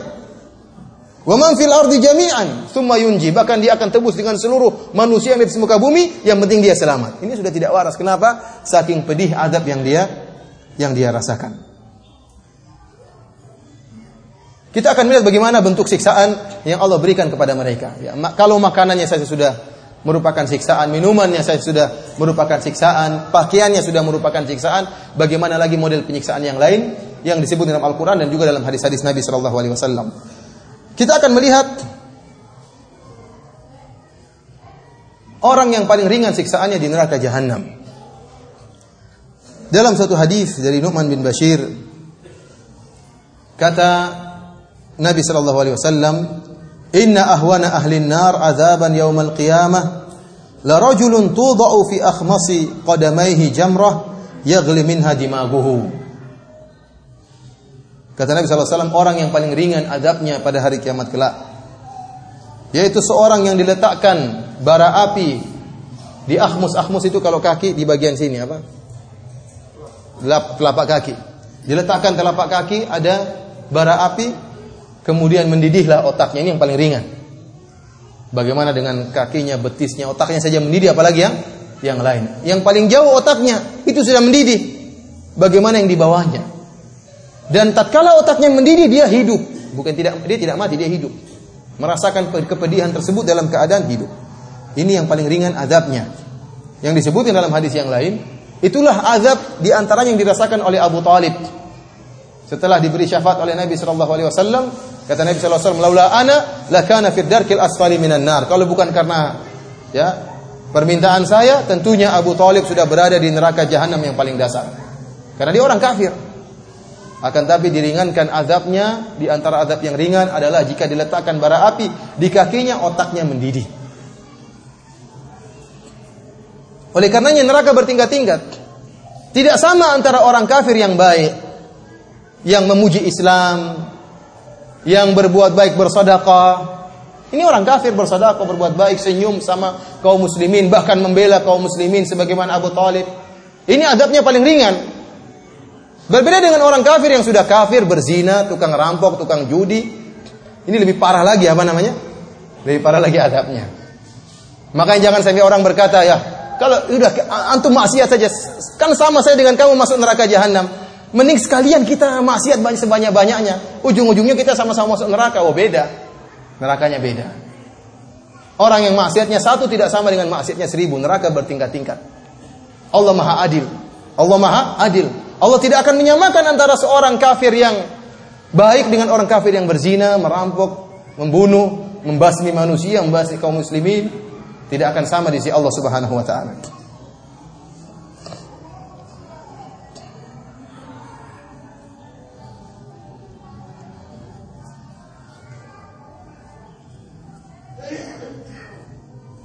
Oleh karenanya yang paling parah hukumannya adalah orang-orang munafik.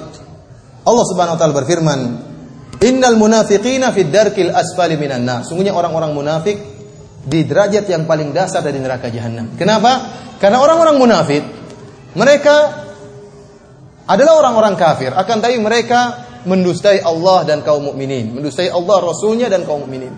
Mereka menampakkan Islam, akan tapi abtanul kufur dalam hati mereka mereka menyembunyikan kekufuran.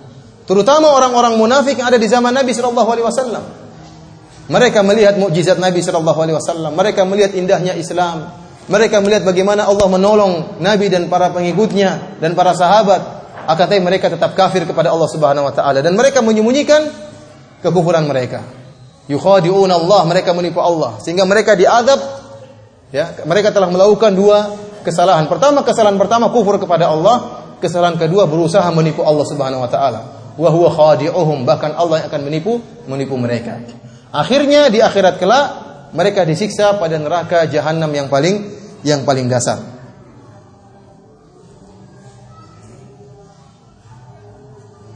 Di antara bentuk siksaan yang dirasakan oleh penghuni neraka sebagaimana Allah sebutkan bahwasanya kulit-kulit mereka akan gosong. Allah Subhanahu wa taala berfirman, "Innal ladzina kafaru bi ayatina saufa nuslihim nara. Kullama nadijat juluduhum baddalnahum juludan ghairaha liyadhuqul adzab." Sungguhnya orang-orang yang kafir kepada ayat-ayat kami, maka kami akan masukkan mereka ke dalam neraka jahanam. Setiap kali ya masak kulit-kulit mereka, kami gantikan dengan kulit yang lain agar mereka merasakan azab jadi gosong diganti oleh Allah. Setiap gosong diperbarui lagi oleh Allah Subhanahu wa taala dan demikianlah adab mereka tidak pernah tidak pernah selesai. Di antara bentuk adab yang Allah berikan kepada mereka adalah as-sahr. Kata Allah Subhanahu wa taala, "Falladzina kafaru qutti'at lahum thiyabun min nar yusabbu min fawqi ru'usihimul hamim yusharu bihi ma fi butunihim wal julud." Adapun orang-orang yang kafir dibuatkan oleh Allah pakaian yang terbuat dari api. Kemudian ditumpahkan di atas kepala mereka air yang sangat panas yang mendidih.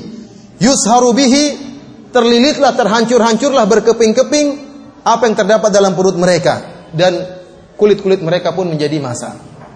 As-sahar maksudnya ya dihancurkan oleh Allah tatkala mereka minum air tersebut maka hancurlah isi perut mereka. Ini salah satu bentuk adab yang Allah berikan kepada mereka.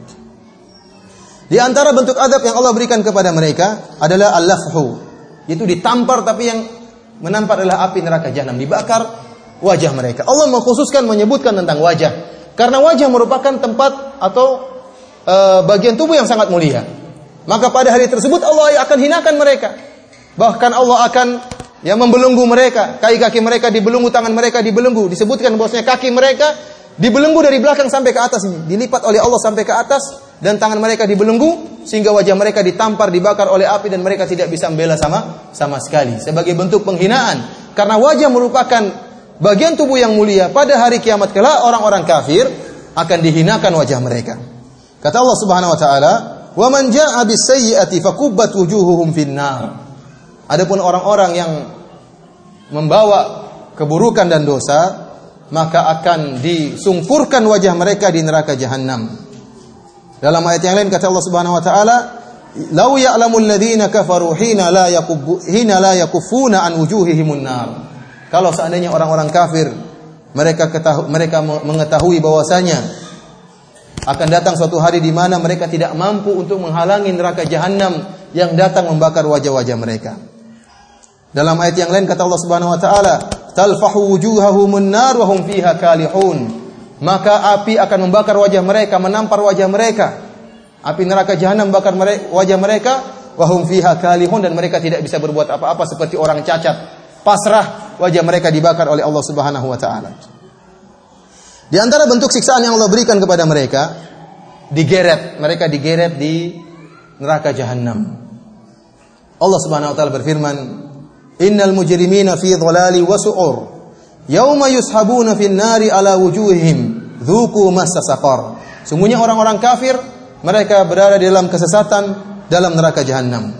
Yauma yushabuna finnar di mana mereka digeret wajah-wajah mereka di atas neraka jahanam. Sekali lagi ini ada bentuk penghinaan terhadap mereka di mana di antara bagian tubuh yang menjadi konsentrasi siksaan adalah wajah mereka. Dibakar dan digeret ini wajah mereka disiksa oleh Allah Subhanahu wa taala. Di antara bentuk siksaan Allah Subhanahu wa taala wajah mereka dibuat menjadi hitam. Kembali lagi Allah berbicara tentang wajah. Karena itu adalah bagian tubuh yang sangat mulia. Allah konsentrasikan siksaan pada wajah-wajah mereka. Allah Subhanahu wa taala berfirman, "Yauma tabyaddu wujuhun wa taswaddu wujuh." Hari di mana ada wajah-wajah yang putih, yang bersinar dan ada wajah-wajah yang hitam.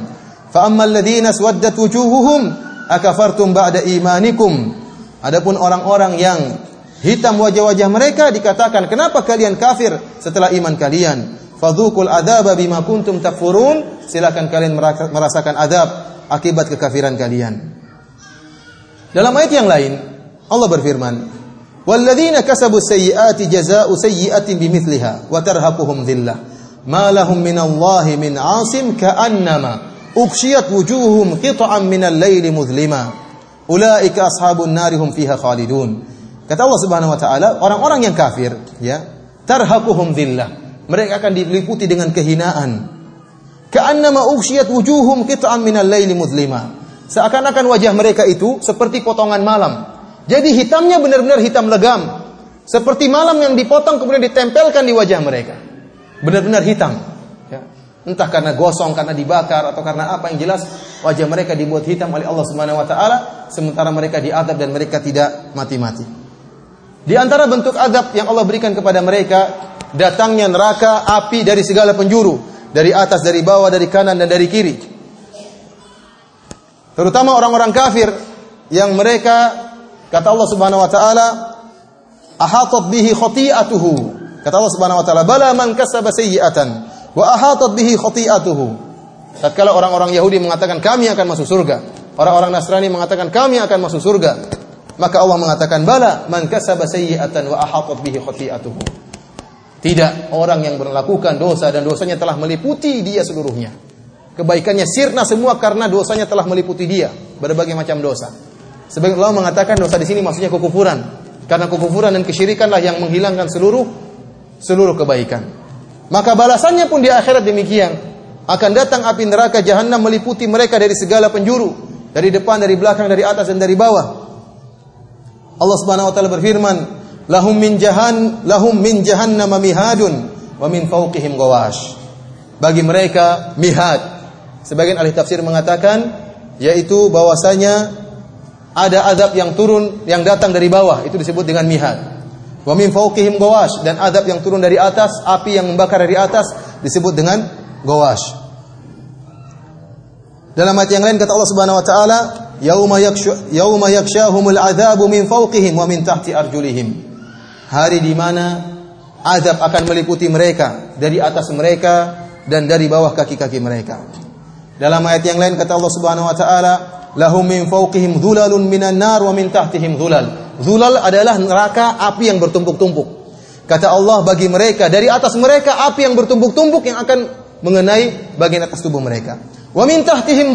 Demikian juga api yang datang bertubi-tubi dari bawah ya membakar mereka. Dalam ayat yang lain kata Allah Subhanahu wa taala, "Wa inna jahannama lamuhitatun bil kafirin." Dan sungguhnya neraka jahanam akan meliputi orang-orang kafir. Jadi ikhwan, mereka dibakar bukan hanya sebagian tubuh, tapi seluruhnya dan dari segala arah. diliputi oleh seakan-akan mereka tenggelam dalam lautan lautan api. Ya. Dan ini model siksaan yang Allah berikan kepada mereka. Di antara bentuk siksaan yang Allah berikan kepada mereka sebagaimana firman Allah Subhanahu wa taala, "Kalla la yumbadanna fil hutama." Wa ma adraka mal hutama? Narullahil muqadah. Tahukah kalian apa itu neraka al-hutama? Narullahil muqadah. Neraka api yang dipanaskan oleh Allah Subhanahu wa taala. Api sudah panas dipanaskan oleh Allah Subhanahu wa taala. Allati tattali'u 'alal afidah yang sampai membakar jantung-jantung mereka. Jadi bukan hanya bagian luar yang dibakar. Karenanya tubuh mereka dijadikan besar agar api tersebut bisa masuk seluruhnya dalam tubuh mereka. Agar mereka merasakan adab. Jantung mereka dibakar dalam keadaan mereka hidup dan tidak tidak mati. Di antara bentuk adab yang Allah berikan kepada mereka, keluarnya usus mereka. Keluar dan terjulur. Sebagaimana disebut dalam satu hadis, Yuja'u birrajuli yaumal qiyamah fayulqa finnar. Didatangkan seorang lelaki pada hari kiamat. Kemudian dilemparkan dalam neraka jahanam. Fatandaliku aqtabuhu finnar. Maka kemudian ususnya pun terjulur dalam neraka jahanam. Fayuthanu fiha katohnil himar birohahu fayishtamiu ahlun nar alaihi. Maka kemudian ya dia pun dicincang atau di ditumbuh-tumbuh ususnya sebagaimana ya diputar-putar dia dengan ususnya tersebut sebagaimana himar yang diputar ya dengan talinya. Fayishami ahlun nar alaihi, maka penduduk neraka pun berkumpul menemui orang ini. Rupanya ini orang terkenal. Orang yang ususnya terjulur ini orang terkenal bukan orang biasa. Terkenal dengan apa? Terkenal dengan dakwah. Ini juru dakwah. Seorang dai atau seorang ustaz yang sedang diadab dengan adab yang modelnya ini. Fayaquluna ai fulan, ma?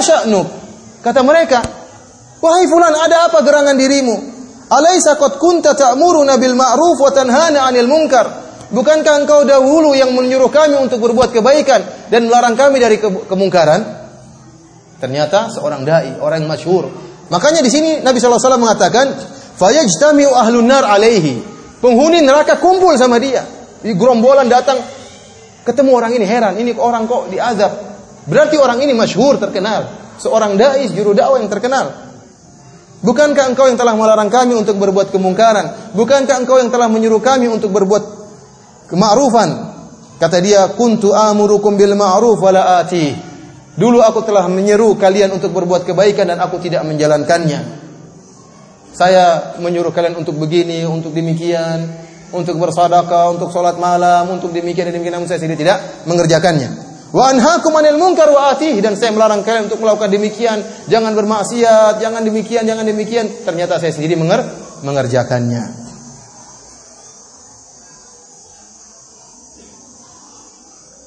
Di antara bentuk siksaan Allah Subhanahu wa taala adalah quyudu ahli naru aglaluha, yaitu belenggu-belenggu dan rantai-rantai yang digunakan untuk menyiksa penghuni neraka jahanam. Inna a'tadna lil kafirina salasila wa aglala wa sa'ira. Kata Allah telah kami siapkan bagi orang-orang kafir salasil, rantai-rantai, aglal, aglalan yaitu belenggu-belenggu, wa sa'ira dan neraka jahanam. Kata Allah Subhanahu wa taala, wa ja'alna al-aglala fi a'naqil kafaru. Kami jadikan belenggu-belenggu di leher-leher orang orang-orang kafir. Disebutkan kaki mereka seperti saya sebutkan tadi kaki mereka dilipat ke atas, tangan mereka dibelenggu, digabungkan antara kaki di leher dan tangan mereka kemudian diikat oleh Allah Subhanahu wa taala dengan dengan belenggu. Idil aglalu fi a'naqihim was-salasilu yushabun.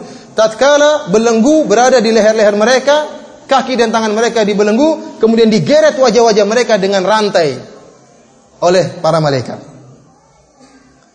Khuduhu faghulluh thumma jahim sallu. Ya, siksa siksalah dia dan belenggulah dia. Kemudian masukkanlah ke dalam neraka jahanam kata Allah Subhanahu wa taala. Ikhwani fillah Allah ayakum.